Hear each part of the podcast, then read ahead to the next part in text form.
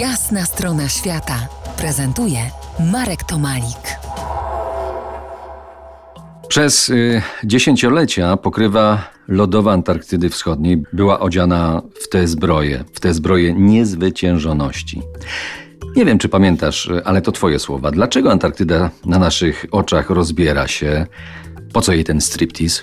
Nie rozbiera się, tylko jest rozbierana przez klimat. Wbrew swojej woli w pewnym stopniu. No to, to, to jest prawie, że gwałt na tej Antarktydzie z naszej strony.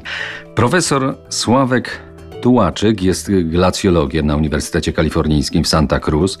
Sławek podróżuje często w rejony mm, podbiegunowe, studiuje antarktyczne strumienie lodowe, tak zwane szybko płynące rzeki, ale też ogije oczywiście z lodu. Bada lód i jego reakcje na zmiany klimatyczne. Sławku, jesteś e, światowego formatu naukowcem, e, któremu z podróżami się poszczęściło. Gdybym i ja się do geologii po studiach mocniej przytulił, przyłożył, to może bym się też tak potułał.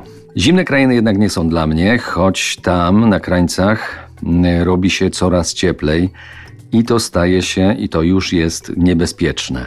Jest niebezpieczne? Tak, myślimy, że może się stać niebezpieczne tak naprawdę mimo tego, że powiedzmy od 30-40 lat badamy te systemy, e, lodowce i zwłaszcza te duże lądolody na Antarktydzie i w Grenlandii, tak naprawdę no, są to rzeczywiście systemy bardzo jeszcze skomplikowane i niewątpliwie nawet patrząc na przeszłość klimatu, co w pewnym stopniu jest najlepszym takim podejściem do tego, żeby zgadywać, co może się stać w przyszłości, no to ocieplenia klimatyczne w przeszłości były związane z tym, że poziom oceanu się podnosił znacząco, na przykład od czasu ostatniego zlodowocenia. W przeciągu mniej więcej 10 tysięcy lat po tym, jak się klimat ocieplił, poziom morza podskoczył o około 120 metrów do obecnego poziomu morza. Mówienie o kurczeniu się lodów do niedawna było nie do pomyślenia. To też są Twoje słowa. To co, teraz musimy rewidować i to tak prędko, to co myśleliśmy jeszcze wczoraj? Sądzę, że może powinniśmy sprecyzować, że jak mówiłem, to, to mówiłem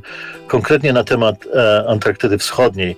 Większość ludzi nie myśli w ogóle Antarktydzie, a zwłaszcza już o podziale Antarktydy na dwie części, ale tak naprawdę ze względu na geologię i, i glacjologię, no, my w nauce dzielimy te dwie części na zachodnią i wschodnią Antarktydę.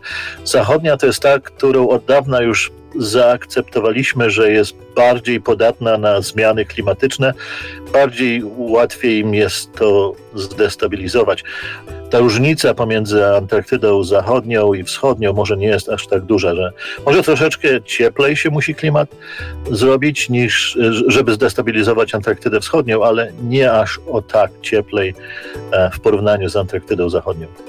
Za kilkanaście minut przyjrzymy się jeszcze mocniej, co tam pod skorupą lodu się wyrabia i już na naszych oczach się wyrabia. Zostańcie z nami. To jest jasna strona świata w RMS Classic.